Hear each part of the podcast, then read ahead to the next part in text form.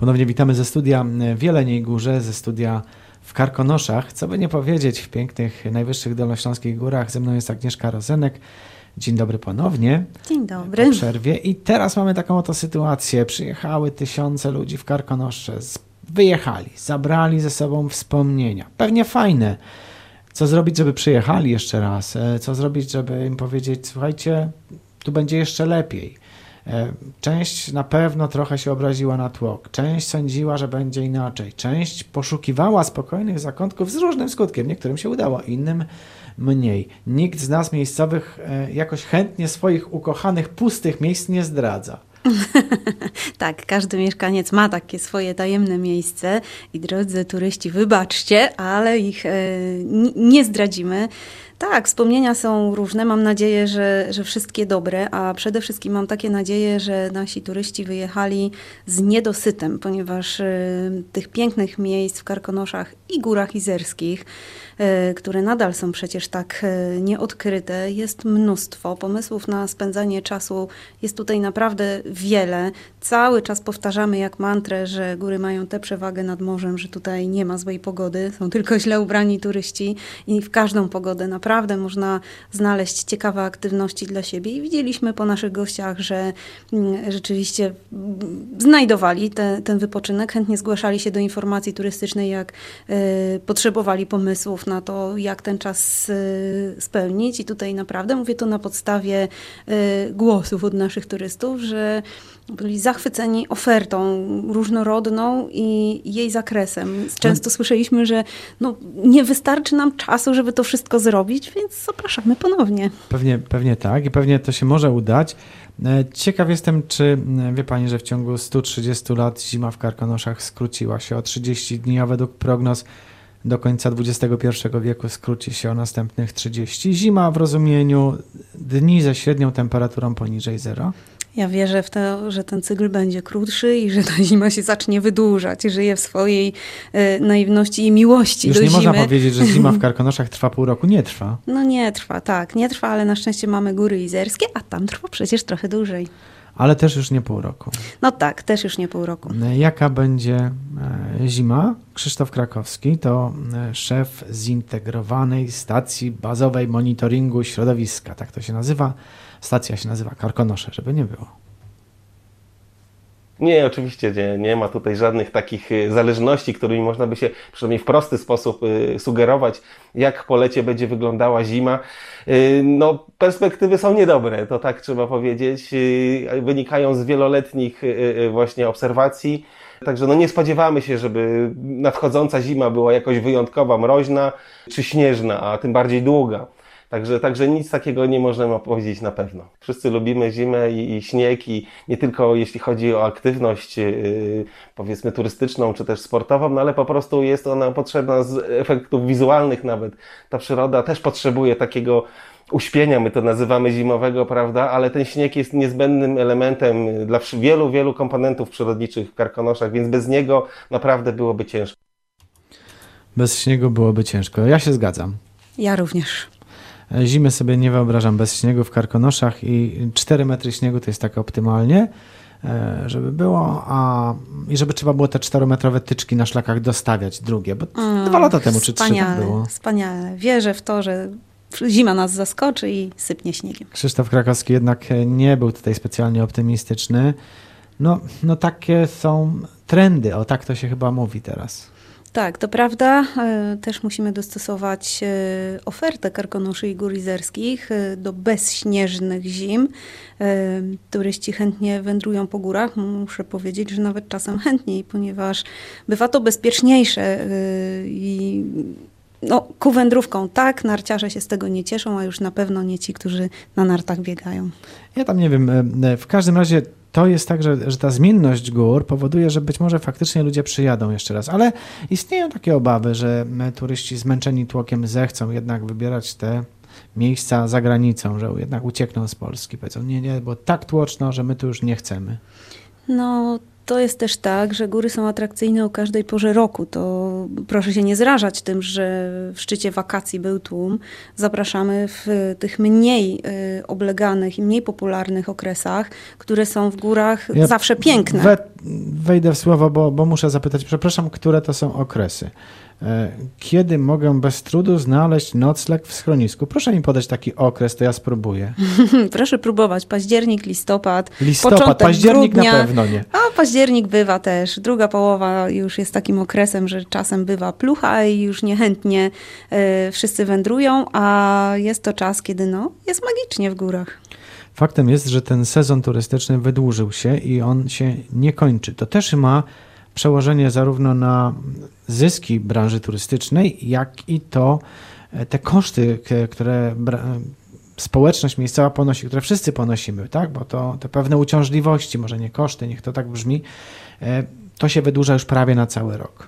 Ja mam taką refleksję, że, sezon, że pojęcie sezonowości już właściwie na przestrzeni ostatnich lat nieco się zatarło, jak można by wręcz powiedzieć, że całkiem się zatarło, ponieważ e, no, jest wysoki sezon, no może tak, a później przez e, cały czas jednak w Szklarskiej Porębie ludzie są. Nawet e, w mrocznym listopadzie często przecież kwitnie turystyka biznesowa, mnóstwo szkoleń wszelkiego rodzaju, więc to też są goście, którzy w czasie wolnym korzystają z atrakcji.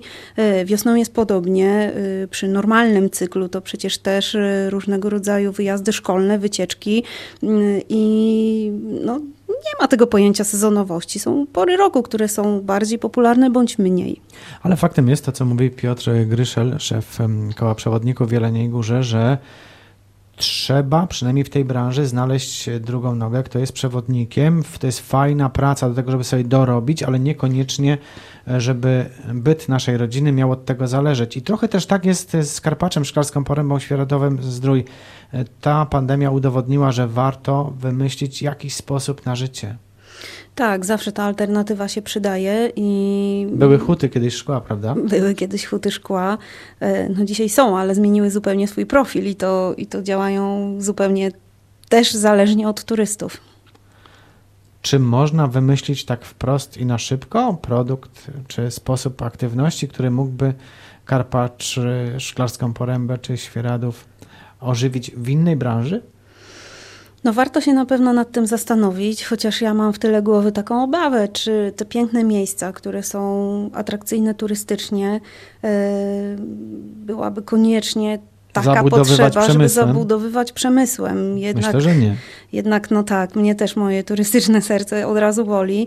Niekoniecznie. Y, może zastanówmy się nad jakimś Bo to innym też nie produktem. jest bez kosztów. Ależ oczywiście, to przecież y, środowisko, które jest y, dla nas tak cenne i tak piękne i dla niego przecież tutaj ludzie przyjeżdżają.